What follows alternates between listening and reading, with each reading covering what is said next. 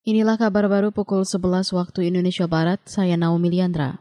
Satuan Tugas Penanganan Hak Tagih Bantuan Likuiditas Bank Indonesia atau Satgas BLBI mengklaim hingga kemarin sudah menyita hampir 2.000 hektar tanah milik obligor dan debitur BLBI. Luas tanah sitaan itu setara 12 kali luas kawasan Monas, Jakarta. Menteri Koordinator Politik Hukum dan Keamanan Mahfud MD menyebut, nilai aset tanah sitaan itu diperkirakan lebih dari 19 triliun rupiah.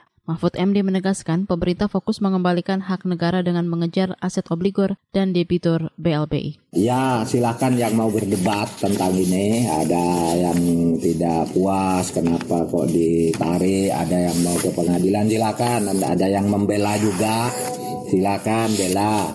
Ada yang bilang ini perdata perdana silakan berdebat. Pokoknya kami sita dulu, Anda silakan berdebat. BLBI itu adalah kekayaan negara untuk rakyat. Menko Polhukam Mahfud MD menambahkan Satgas BLBI kemarin menyita lagi aset berupa tanah seluas 340 hektar di Kecamatan Babakan Madang, Kabupaten Bogor, Jawa Barat. Aset tersebut milik obligor BLBI Agus Anwar. Utang Agus Anwar kepada negara mencapai lebih dari 635 miliar rupiah.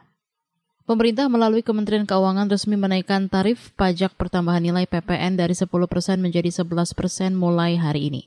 Seperti dikutip dari keterangan resmi Kementerian Keuangan hari ini, kenaikan PPN merupakan bagian tidak terpisahkan dari reformasi perpajakan dan konsolidasi fiskal. Namun ada sejumlah barang dan jasa tertentu yang bebas PPN. Misalnya kebutuhan pokok seperti beras, gabah, jagung, sagu, kedelai, garam, daging, telur, susu, buah-buahan, sayur-sayuran, dan gula konsumsi. Begitu juga dengan jasa kesehatan, pendidikan, sosial, asuransi keuangan, angkutan umum, dan jasa tenaga kerja.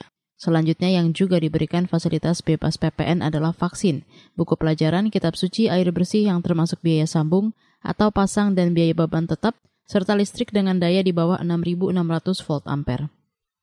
Harga kedelai diperkirakan baru akan turun pasca Idul Fitri nanti. Dirjen Perdagangan Dalam Negeri Oke Nurwan menyebut, Kenaikan harga kedelai impor masih akan terus berlanjut saat Ramadan ini. Harga kedelai baru akan mulai nanti setelah puasa dan lebaran. Perkiraan tersebut di luar prediksi invasi uh, Rusia ke Ukraina. Dirjen Perdagangan Dalam Negeri Oke Nurwan mengklaim Kementerian Perdagangan terus mengupayakan ketersediaan stok dan pasokan kedelai di pasaran. Kepastian itu dilakukan supaya 150 ribu pengrajin tahu tempe bisa tetap berproduksi. Selain itu, pemerintah melalui Bulog juga akan menyubsidi harga kedelai impor per kilogram bila harganya mencapai 12 hingga 13 ribu per kilogram. Demikian kabar baru KBR, saya Naomi Liandra.